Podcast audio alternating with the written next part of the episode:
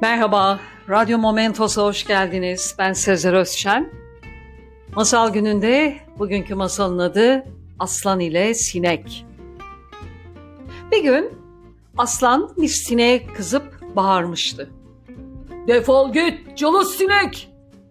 Sinek hiç altta kalmadan aslanı savaş ilan etmişti. Sen krallık ünvanında beni korkutacağını mı sandın? Öküz senden daha iri olduğu halde benden öyle korkuyor ki zzz. sabahtan akşama kadar kuyruğunu sallayıp benden kurtulmaya çalışıyor ama bir türlü benimle baş edemiyor. Zzz.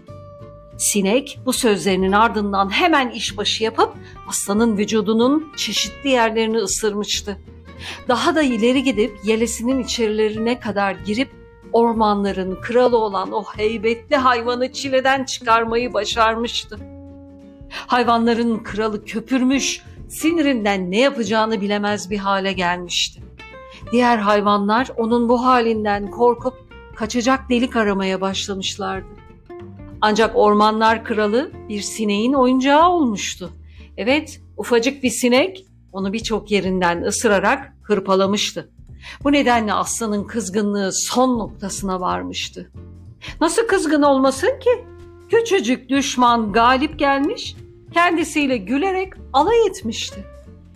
Kendisinin güçlü pençeleri, keskin dişleri, herkesi korkutan heybeti o küçücük hayvan karşısında işe yaramamıştı. Bu durum karşısında aslan öfkeden yırtınmış, kuyruğunu havada sallamış ama bir şey yapamamış, öfkesinden yorulmuş, bitkin bir halde çöküp kalmıştı. Sinek ise küçücük cüssesiyle savaşı zaferle bitirmişti. Bu zaferi herkese duyurmak istemişti.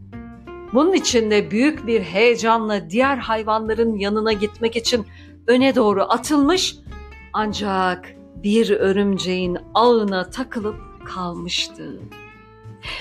Zaferden adeta başı dönen sinek de gururlanmanın cezasını doğadaki bir başka canlının ağına düşerek hayatıyla ödemişti.